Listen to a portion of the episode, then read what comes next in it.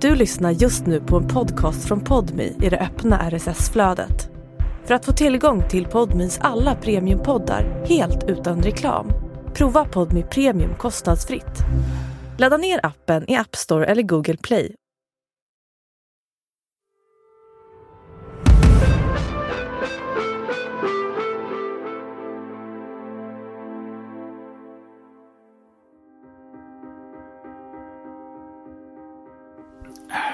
Alltså Både Norge och Sverige är samfund och det vet vi, med väldigt hög tillit mellan människor. Det här är Tryggve. Han är chef för en tankesmedja i Norge. Han är mitt i ett resonemang om att i Sverige och Norge, där litar vi människor på varandra. Tappar du din plånbok på gatan så är det stor chans att någon hygglig människa plockar upp den och anstränger sig för att den ska hitta hem till dig igen. Folk stoler på hverandre. Altså, det er fremdeles sånn at hvis du mister en lommebok på gaten, så er sjansen ganske høy for at du får den tilbake. De aller, aller, aller, aller, aller fleste er til å stole på. Eh, og det er en ekstremt stor verdi ved de samfunnene vi lever i. Den här tilliten, menar Tryggve, är något som vi håller extremt högt i både Sverige och Norge. Men problemet enligt honom med ett samhälle där alla litar på varandra är när någon bestämmer sig för att utnyttja det. Om någon tänker att här är folk så godtrogna och dumma att de kanske rent av förtjänar att bli lurade. Och då, men då blir du sårbar För eh, visst någon liksom tänker okej, okay, men här är det ju kjempelett att exponera och när folk är så dumma så får de nog bara bli lurt. I work for an organization called NATO Intelligence Service based on the Norwegian naval base Håkonsvern. Det står inte bedragare i pannan på den personerna som är bedragare.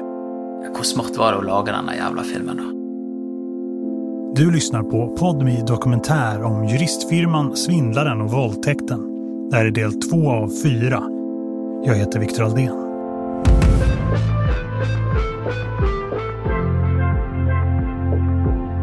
Det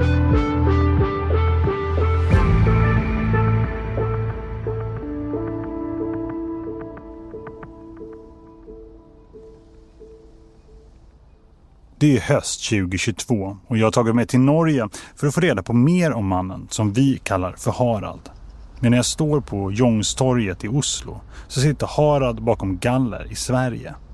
På utsidan har han och hans kompanjon Pernilla lämnat en juristfirma som de båda har styrt med järnhand i kaos.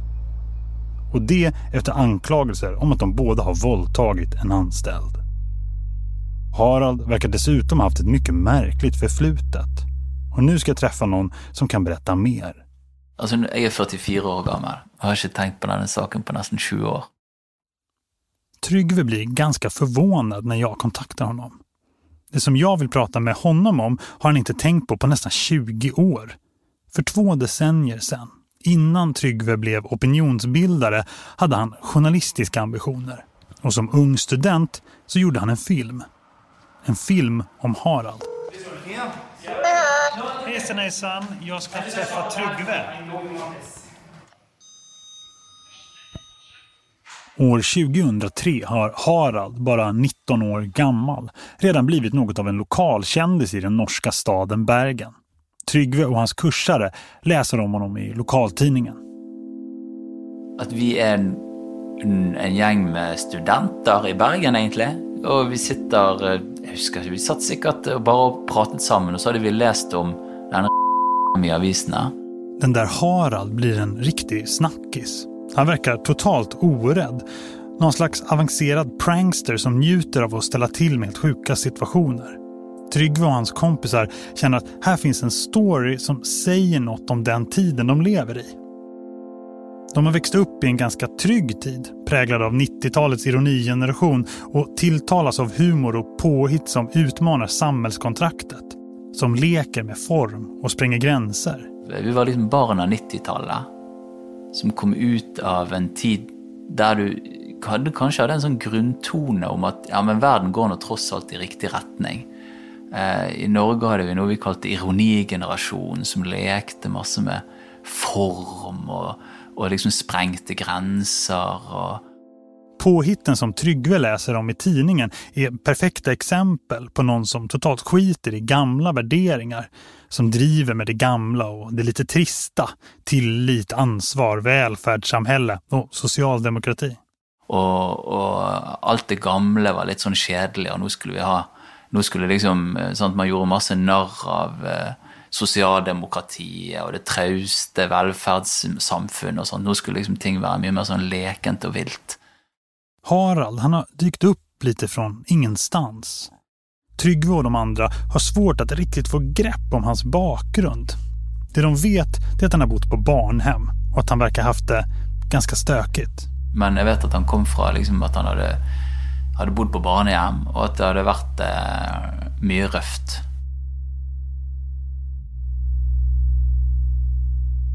I september år 2000 skakas Bergen av en skandal inom det som heter barnvärnet. Det kan översättas till barnskyddet och är jämförbart med socialtjänsten i Sverige. En 16-årig flicka som varit omhändertagen av barnskyddet hittas död. På grund av sekretessen så är det svårt att få några tydliga svar om fallet. Men det bestäms att det ska hållas ett öppet förhör om barnskyddet i Bergen där man ska utreda hur statusen för verksamheten är. Ett vittne är en storvuxen 17-åring som varit placerad inom barnskyddssystemet i Bergen under stora delar av sina tonår. Det är Harald. Vid den här tiden är han placerad på ett privatdrivet ungdomshem. Han säger att anställda på företaget säljer hash och att flera har tveksam bakgrund. Hans medverkan får rubriker i lokalpressen och efter nyår så går han ut igen och pratar i lokalradion i Bergen. Tidningarna pratar gärna med Harald. Han har gott om dramatiska berättelser från barnhemmet att bjuda på. Harald har fått någon som lyssnar på honom. En linje som alltid är öppen. Så länge man har en bra historia. Det är slutet av 2002. Harald ska snart fylla 19 och han är en ofta förekommande figur i Bergens lokaltidningar. Tryggve, som läser om honom, anar att tonåringen knappast drivs av en vilja att avslöja missförhållanden. Han vill bara ha kul.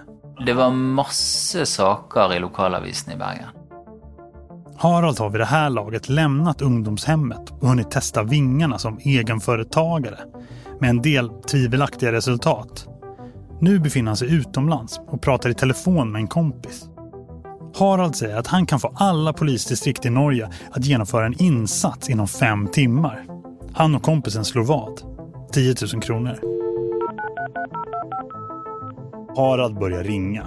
Han ringer till en mängd olika polisdistrikt. Han säger att det finns en bomb på en plats och att det finns en hotbild mot en flygplats i ett annat distrikt. När han ringer så säger han att han kommer från PST, norska Säpo, och att han heter Steinar Karlsen. Ett namn som inte är taget ur luften. Steinar Karlsen är en riktig person, en lokal chef på PST. Dagen efter har Harald lokaltidningarna på tråden. Han berättar hur han bara i Bergen har fått dirigera 35 beväpnade poliser vid en högtalare Pinsamt för polisen och guld för tidningarna. Studenten Tryggve läser om en person som njuter av att skapa kaos. För det var så uppenbart att det var på en måte morsomt då, med eh, med hvordan noen bare med hjälp av noen telefoner kunne snå opp ned på, kunne redirigere politibilar eller jag tror till och med det var ett helikopter och så vidare. Tryggve som själv bara är några år äldre än Harald fascineras av hur tonåringen bara genom att ringa några telefonsamtal kan skapa sånt här kaos hos ordningsmakten. Det snur liksom lite sån upp ner på vad vi tänker om auktoritet och samhällsinstitutioner och sånt. Nu föds en idé hos Tryggve och hans kursare. Skulle man inte kunna ta rygg på den här killen? De kontaktar en av lokaltidningarna som har rapporterat mycket om Harald. Och eh, så fick vi tag i nummeret hans av en journalist i lokalavisen BA. Och eh, jag, jeg husker jeg snakket med han journalisten. Og han, han var sikkert omtrent på den alderen som jag är nu. Och han, det var to ting som Han sa ja, ja, du kan få nummeret, och, og sånn. Og ga meg nummeret. Reporten ger Tryggve Haralds nummer.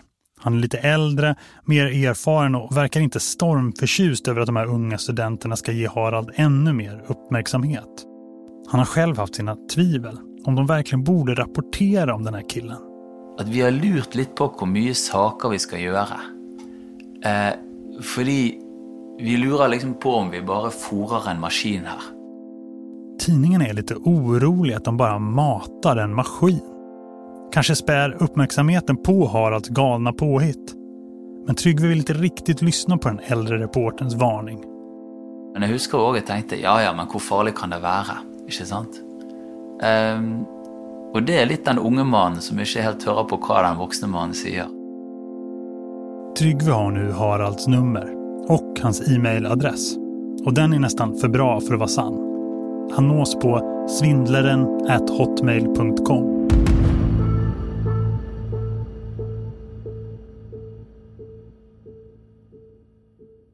Det är februari 2003 när de får kontakt med Harald som vid den här tiden är på flykt undan rättvisan. Han är efterlyst för flera uppmärksammade bedrägerier och i Norge kan han inte stanna. Killarna ska istället möta upp honom i Sverige. Men vägen dit, den blir rena hinderbanan. Eh, och så var det masse sån... Eh, eh, det, det var mycket sån eh, upplägg om att vi måste komma till Sverige för att möta honom. För att få träffa honom har Harald arrangerat ett slags spel. Han ska testa om journalisterna går att lita på. Ja, nå har han sendt alle sammen har han sendt av Det här är Tryggve som berättar i filmen som de gör om jakten på Harald. De befinner sig i Stockholm. Där de åker från station till station i tunnelbanan. Så vi befinner, alle sammen befinner seg liksom på T-banenettet i Stockholm. Eh, Vi sendt rundt på masse T-banestopp. Det var jo òg bare morsomt. Det känns mest som en knasig grej. Och ska de få göra den här filmen så måste de ju själva bli lite brickor i Haralds spel. De har visserligen inte riktigt kontroll över vad som händer, men det blir ändå bra film av det hela. Det føltes ikke skummelt eller farlig på noe som helst måte. Det var jo bare ok, vi skal lage film om, vi får være med på, vi får være med på gamet, da. Eh, og ble liksom sendt litt hit og litt dit. Killarna blir beordrade att sprida ut sig i hela tunnelbanenätet, beredda med telefon, penna och papper. Och de får inte prata med någon. med penn og papir, for, at for hvert st- nye sted vi kommer til, så skal vi ringe til han. Der eh, gir han oss eh, nye instruksjoner.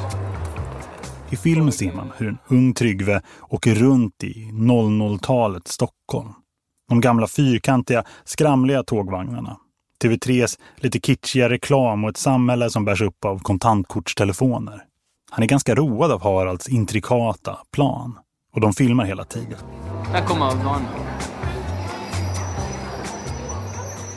Tryggve sitter i ett fyrsäte på tunnelbanan, mittemot sin kameraman. Eh, ursäkta meg, men eh, jeg, jeg kan ikke snakke til noen. Jeg har fått strenge instrukser. Jeg beklager. Han beklagar sig för en kvinna bredvid honom att han tyvärr inte får prata med henne när kameran börjar vandra. I ett annat fyrsäte, lite längre bort, fångar den nacken och profilen av en kortklippt och tjurig ung man som sitter med hörlurar. Det Vi oppdaget han kameramannen Torstein, han oppdaget en av spanerne som han hadde. En ung fyr som satt liksom, som åpenbart fulgte med på oss eh, i T-banen. Kameramannen har upptäckt en spanare. Tryggve inser att det här är en större apparat än vad han har trott. Harald menar allvar. Så det er jo klart Det er jo liksom Det er jo det, da. Du merker at det er liksom en fyr med ressurser og evne til å organisere ting og alt det der. En kille med resurser. Och det ska visa sig att Harald inte alls tänkt möta upp dem i Stockholm. Efter timmar i tunnelbanesystemet så får de en sista väganvisning. Vi er omdirigert, vi skal til Stockholm. Det var her vi møte med han. Og nå er vi på vei.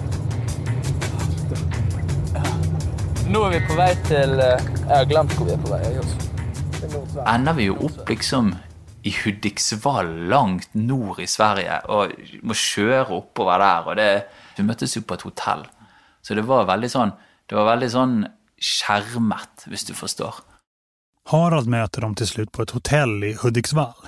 Det känns väldigt avskärmat, som att Harald hittar en plats där de kan prata i enrum och den beryktade svindlaren gör dem inte besvikna. Alltså det genast igång och visar Tryggve hur lätt det är att komma åt hans pengar. Men det som också, alltså det som också gjorde intryck var ju att han då kunde förklara oss, okej vilka metoder brukar jag? sant? Alltså, vi satt ju i samma rum, han brukte väl brukte vel eh, minutter på telefon på å komme inn på bankkontoen min. Liksom med å late som han var en politimann som hadde arrestert meg. Dermed så fikk han personnummeret. Dermed så... Och det här buset, det gör starkt intryck på Tryggve. Mitt framför honom så visar Harald hur han kan låtsas vara en polis som har arresterat Tryggve för att få hans uppgifter. Han är nästan fnittrig när han visar hur lätt det är att komma åt Tryggves bankkonto. Den beryktade svindlaren Harald som de har läst om så mycket i tidningarna sitter rakt framför dem och de kan ställa vilka frågor de vill till den unge mannen som har jäckat norsk polis. Men de har ändå en känsla av att det är Harald som styr mötet. Eh, han var ganska god allerede då på att hålla liksom kontroll på vad han ville ha ut. Vad typ av historia han ville fortälla och vad han inte ville fortälla. Harald berättar gärna om sina bedrägerier. Men det finns mycket annat som man inte alls vill gå in på. Hur han arbetar, hur han får pengar och var han bor. Vad han jobbat med, eh, hur han skaffat pengar, hur han bodde. Alla tingene där, det var liksom, det var, det husker jeg, syns, og det var, det var på en måte vanskelig å trenge igjennom utover at han syntes det var morsomt å, å fortelle om hvordan han liksom eh, viste, viste fram hvor lett det var å lure folk. da. Det är dubbelt. Å ena sidan så njuter Harald av uppmärksamheten han får från filmteamet. Han verkar tycka det är ganska roligt att berätta om hur han har lurat folk. Men å andra sidan så lyckas filmteamet kanske inte komma riktigt under ytan. Det känns inte som att han egentligen berättar någonting på riktigt. Harald verkar trots allt rädd att polisen ska få tag på honom. Och det har han goda skäl till.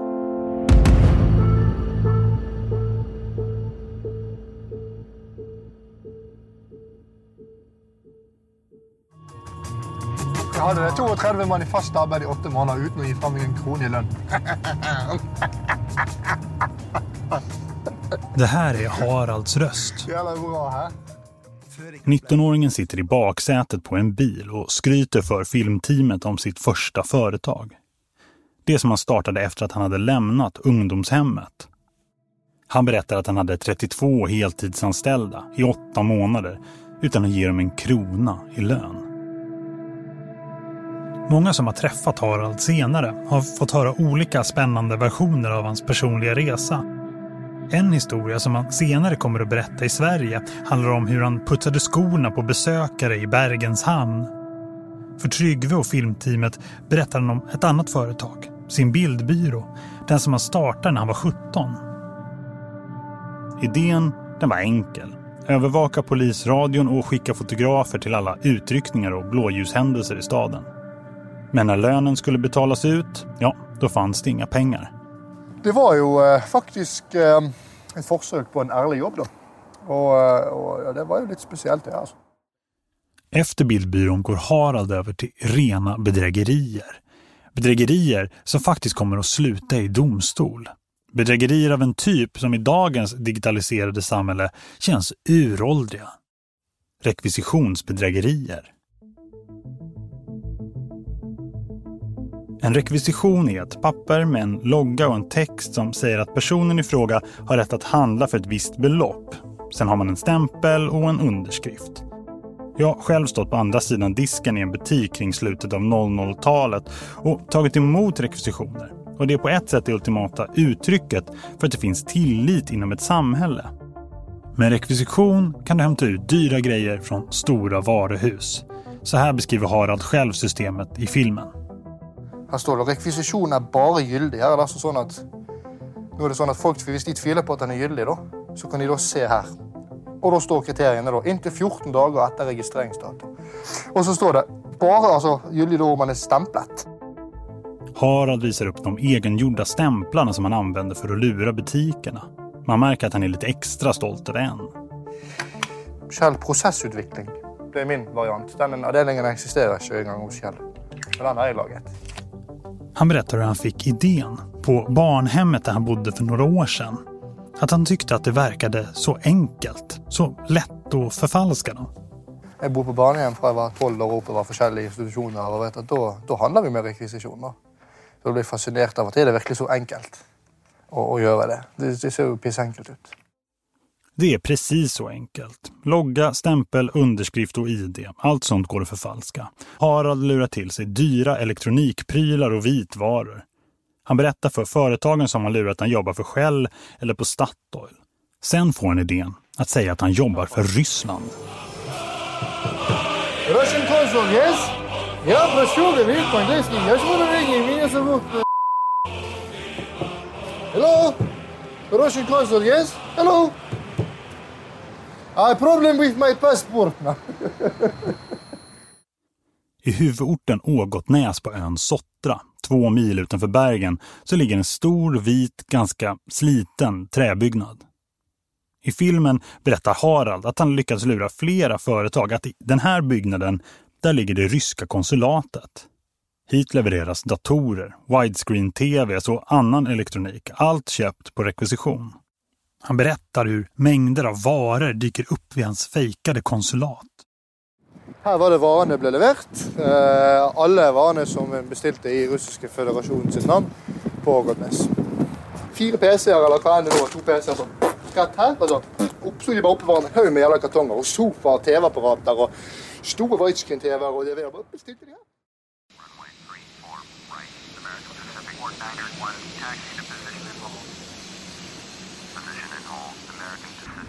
Men det handlar inte bara om att tjäna pengar. Harald sitter framför sin dator och han har igång PC-spelet Flight Simulator 2004. Han ringer till norska polisen och säger att han flyger ett plan utanför Norges kust som har fått problem med en motor. Den brinner. Han ger dem planets koordinater. Från datorn så spelas ljudet av ett alarm upp innan han hastigt lägger på samtalet till polisen. Sen ringer han tipstelefonen på lokaltidningen och säger att han har lurat polisen att hans plan håller på att störta. Jag har skickat ut en massa helikoptrar på Nordsjön, säger han. Reporten frågar varför han håller på som han gör. Det ger mig en kick, säger han. Det är kul att se reaktionerna på de här telefongrejerna. Om tidningarna tidigare har varit oroliga för att de bara matar en maskin när de skriver om Harald så har de nu fått svaret.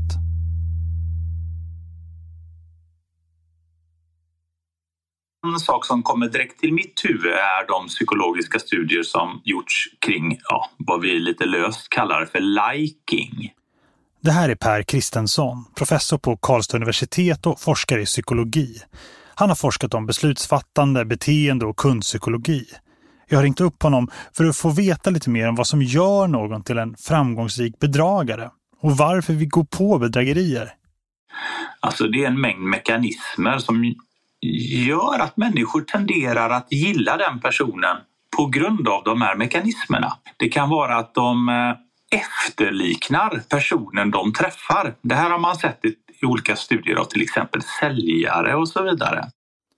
En bra säljare får dig att vilja ha det som han har. Han utstrålar självsäkerhet och inger förtroende. Tänk dig att du säljer skidor och du hör att en kund ska till Alperna. Då ska du säga Åh, Alperna är ju så bra. Alltså, det är ju dit de bästa skidåkarna åker.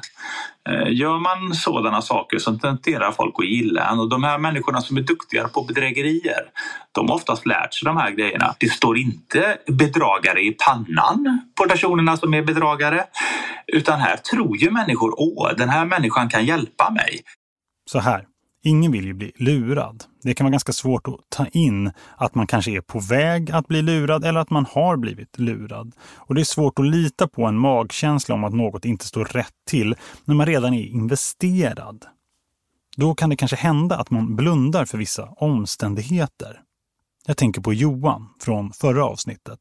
Han som har fått sparken och sökte hjälp från juristfirman. För det var jävligt nedslitet. Det låg en ganska tråkig blek byggnad. Eh, inga direkta eh, inga skyltar eller något sånt där liksom. Eh, klott, ganska nerklottrad hiss. Det är ju flera varningsklockor egentligen så att man ser tillbaka i efterhand att liksom, ja, det det är varningsklockor liksom. Och då var det väldigt snabbt med papper fram, påskrift, men det här är lugnt. När Johan började tveka så blev han snabbt försäkrad om att det här skulle gå fint. Han skulle vinna målet. Bara skriv på här. Det finns olika metoder för att få folk att liksom, eh, acceptera eh, saker som man kanske normalt inte hade accepterat. Det finns ett uttryck för ett vanligt tankefel. Det brukar kallas för sunk cost fallacy. Det handlar om vår tendens att genomföra saker som vi redan har lagt ner en massa tid på trots att det kanske börjar kosta mer än vad det smakar. Och tänk då om det dessutom är någon annan, någon självsäker och övertygande person som säger till dig nej, du kan inte sluta nu, inte nu när vi har lagt ner så mycket tid. Och, och, så fortsätter det här engagemanget. Man får en relation. Och i den här relationen är det plötsligt svårare att säga det tänker inte jag hjälpa dig med eller nu har du gått över gränsen. Redan som tonåring utstrålar Harald en otrolig självsäkerhet. Och det är nästan så att man glömmer bort alla som har drabbats av Harald när man läser om hans galna upptåg i tidningarna. Det känns liksom punkigt. Han bara dundrar på med en ofattbar fräckhet. Och han skäms inte för sig utan han berättar för tidningarna om sina falsklarm och sina bedrägerier. Nu känner ju inte professor Per Kristensson till Haralds fall men han har en tanke om en mekanism som kan få någon att agera så här. Jag tror att det kan vara ganska många olika typer av mekanismer eh, måste jag säga här och eh, en som sticker ut för mig är ju att flera av de här kanske upplever någon typ av kompensationsbehov, att man har kanske inte lyckats så väl på andra områden tidigare. Här kan han ju då visa, kolla vad jag klarar av och så vidare. Va? Att man kan liksom belöna sig med den här typen av framgång. Men Haralds bedrägerier ska nu gå från att blåsa varuhus till något mycket allvarligare.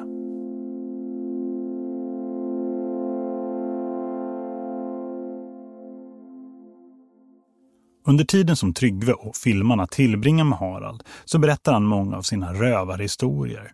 Hur han har förlett polisen, hur han spelat spratt med flygplatser och hur han med bara två samtal kan ta sig in på Tryggves bankkonto. Men sen kommer det en historia som ska svärta ner bilden av den jovialiske bråkstaken som killarna kanske hade till en början.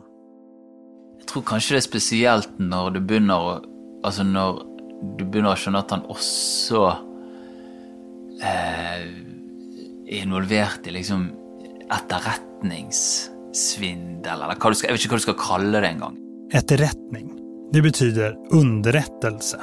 Alltså typ militär underrättelse. Det här känns som något helt väsensskilt från de bedrägerier och grova hyss som filmteamet har skildrat hittills. Altså Vi begynner med liksom sånn internasjonal spionasje og den typen ting. For da skjønner altså Det er jo et helt annet spill. Även 20-årige Tryggve vet ju att det inte är så nice att lura till sig vitvaror och tv-apparater. Men det är ändå, ja, vitvaror och tv-apparater. Men det här, det är något annat.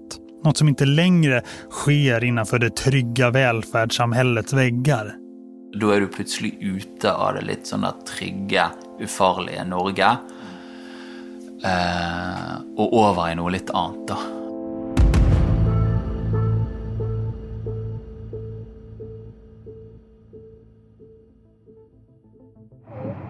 Hello? Yes, hello, this is Mr. Peterson calling. Det är Haralds mest spektakulära plan för att tjäna pengar. Han berättar för filmteamet att han trycker upp 4000 papper med norska försvarets loggor. Han trycker upp tusentals visitkort med olika identiteter kopplat till försvaret och två specialgjorda ID-kort. Han kallar sig Herr Petersen. Hello, Mr. Peterson. Hello, have I come to the uh, Syrian uh, embassy in Stockholm? Yes, yes. Yes, very good. Filmteamet är inte själva med när Harald ringer sitt påstådda samtal till den syriska ambassaden. Det du hör är hans egna inspelning av samtalet som Tryggve och de andra har fått använda i filmen. Filmteamet får också se lite av det materialet som han tänkt använda sig av för att blåsa syrierna. För med hjälp av Microsoft Word 6.0 och livlig fantasi så har han som han beskriver det skrivit en massa strunt. En massa strunt i form av fejkade militärhemligheter som han tänker borde intressera den syriska ambassadören i Stockholm. I work for an organization called NATO Intelligence Service based on the Norwegian naval base Håkonsvern. And the information is concerning uh, American um, and NATO relations.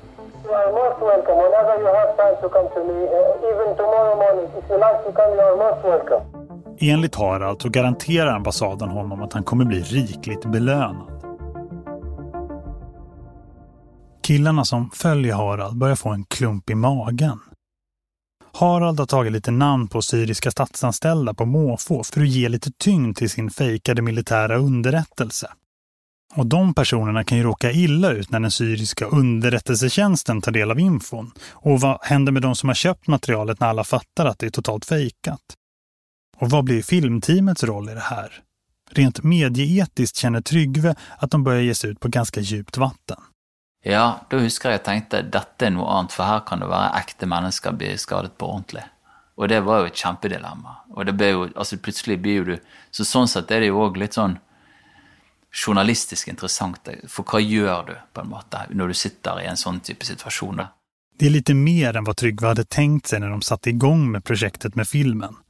De ville skildra en kille som njuter av att lura folk och som visar hur fräckt man kan bete sig i ett tillitssamhälle och ändå komma undan med det. Men det här, det är något annat. Hur ska de veta om Harald talar sanning om de fejkade statshemligheterna? Om han faktiskt lämnat över dem och fått pengar för dem? Vet vi med noe att det stemmer, og så ikke. Så det ble, så det husker jeg ble Plutselig gikk det fra å være eh, en, et prosjekt og en film om noen som bare er morsomme, og som på en eller annen måte viser, eh, viser hvor lett det er å lure folk, og viser hva du kan oppnå bare hvis du kler deg på en spesiell måte, eller snakker på en spesiell måte, eh, til mye mer alvorlig.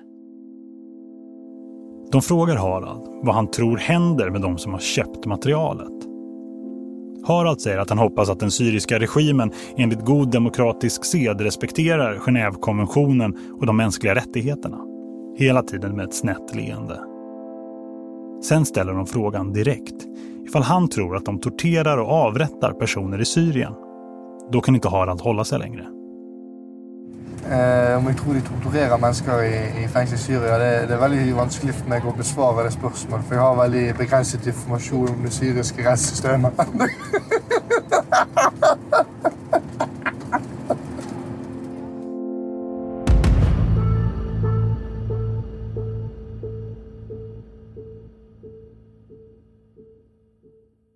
Det är juni 2003 och det har gått fyra månader sedan Tryggve och hans vänner startade jakten på Harald. Och nu är han tillbaka i Norge. Stavanger närmare bestämt och polishuset i Stavanger om man ska vara riktigt specifik. Han har kommit för att överlämna sig. I lokaltidningen kan folk rösta om vad som bör hända med storsvindlaren. Läsarna kan välja på alternativen. Han bör få ett hårt straff. Han bör behandlas milt. Och vem är han? Och det är här som Steinar Karlsen kommer in. Den riktiga Steinar. Han som jobbar på PSD, norska Säpo och som Harald har utgett sig för att vara, för att lura folk. För innan Harald överlämnar sig så har de två ett samtal på Steinars kontor. Och när Harald sen kommer till polisstationen så är det en segerviss ung man som möter det samlade pressuppbådet. Det är de här samtalen som jag ville prata med Steinar Karlsen om för att få reda på vad norska Säpo visste om vad Harald sysslade med. Jag har fått tag i hans nummer via PST och Steinar som numera är pensionär har inga problem med att minnas Harald och deras samtal. Jeg tror, du, nå er jeg blitt pensjonert. Og jeg tror at jeg eh, holder, bare holder på å være pensjonist og, og Men trots att det snart gått 20 år och att han inte längre arbetar för PST så ligger locket på. Jeg vet det siste jeg, det siste jeg vet, det er at han reiste til Sverige. Og etter det så vet jeg ingenting mer, faktisk. Jeg vet ingenting om, om eh, hva han har gjort i Sverige, og hvor han bor, eller noen ting. Da, da vi snakket sammen, så lovet jo jeg også at dette som eh, var mellom han og meg, det skulle være konfidensielt og mellom han og meg også. Så vi hadde en del samtaler på, på kontoret mitt på, på PST. Men, eh, men eh, jeg tror det må være sånn. Jeg, eh, att eh, vi håller det på det, på det konfidentiella planet som är lovet eh, den gången också. Och om... Men du kan ju hilsa honom. Det är 2004 och rättegången mot Harald inleds. Han står inte åtalad för att ha sålt fejkade militärhemligheter, men däremot för bedrägerier och falsklarm och lite annat han sysslat med de senaste åren. När förhandlingarna väl startar så rullar Harald in i en rullstol med nackkrage. Han säger att han har blivit påkörd. Han är ångerfull och hävdar att han nu ska sluta med alla bedrägerier och hyss. Han ska bli en ärlig man. Han har flyttat till Sverige och gift sig och jobbar med ett vanligt jobb. När Harald till slut döms så är det till 14 månaders fängelse. För Tryggve, som med ungdomlig entusiasm tog kontakt med svindlaren at hotmail.com några månader tidigare så blev det ingen karriär som filmare. För honom tog projektet slut och han inledde en annan livsbana. Men när jag träffar honom 20 år senare så reflekterar han över att ingenting någonsin riktigt tar slut. Alla lever med konsekvenserna. Både den som lurar och den som blir lurad. Tre måneder etterpå så ga jeg opp ideen om at jeg skulle lage film. Og begynte på en helt annen reise, som gjør at jeg nå er et helt annet sted i livet. Og begynte å studere andre ting osv. Så, videre. så da, da var det liksom over. Og det er derfor jeg føler meg som en litt gammel mann når jeg snakker om dette her. Fordi at eh, det var over, men det er jo aldri over. Sant?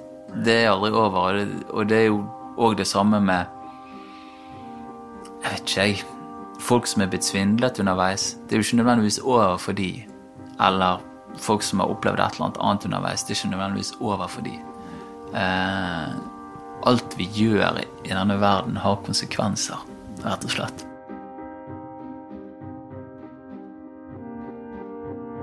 Det är sen höst 2004. Lokaltidningen i Bergen följer upp vad som har hänt med svindlaren. Han berättar för reportern att han bor i Sverige och att han har ett bra jobb där. I rollen som telefonförsäljare kan han använda sina talanger på ett ärligt sätt. Tiden som återstår av hans fängelsestraff efter häktningstiden hoppas han kunna avtjäna i Sverige med elektronisk fotboja. Svenskarna är smarta, säger Harald. De sätter inte folk med jobb i fängelse. De låter dem avtjäna straffet hemma där de kan fortsätta betala skatt. Tidningen frågar Harald om han är färdig med bedrägerier.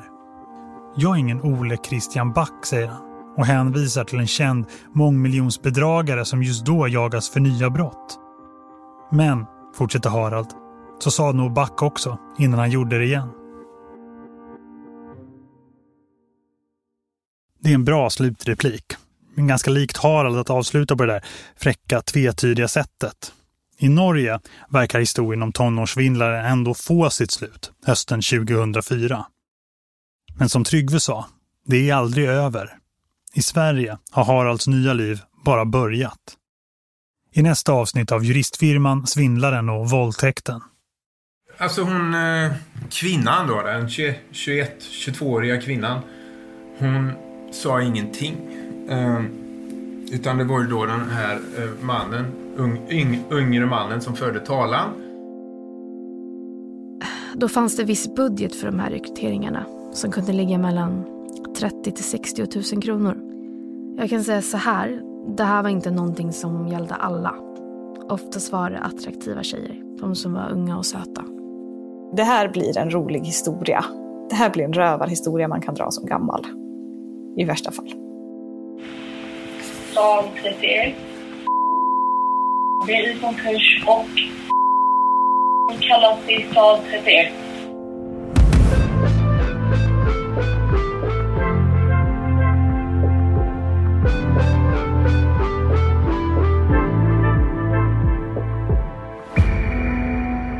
Du har hört del två av fyra av Podmi dokumentär om juristfirman, svindlaren och våldtäkten. En produktion av Tredje Statsmakten Media. Producent Anna Johannesen, slutmix Elin Rosenberg och jag heter Viktor Aldén. Exekutiv producent hos Podmy är Emilia Melgar Arnheim.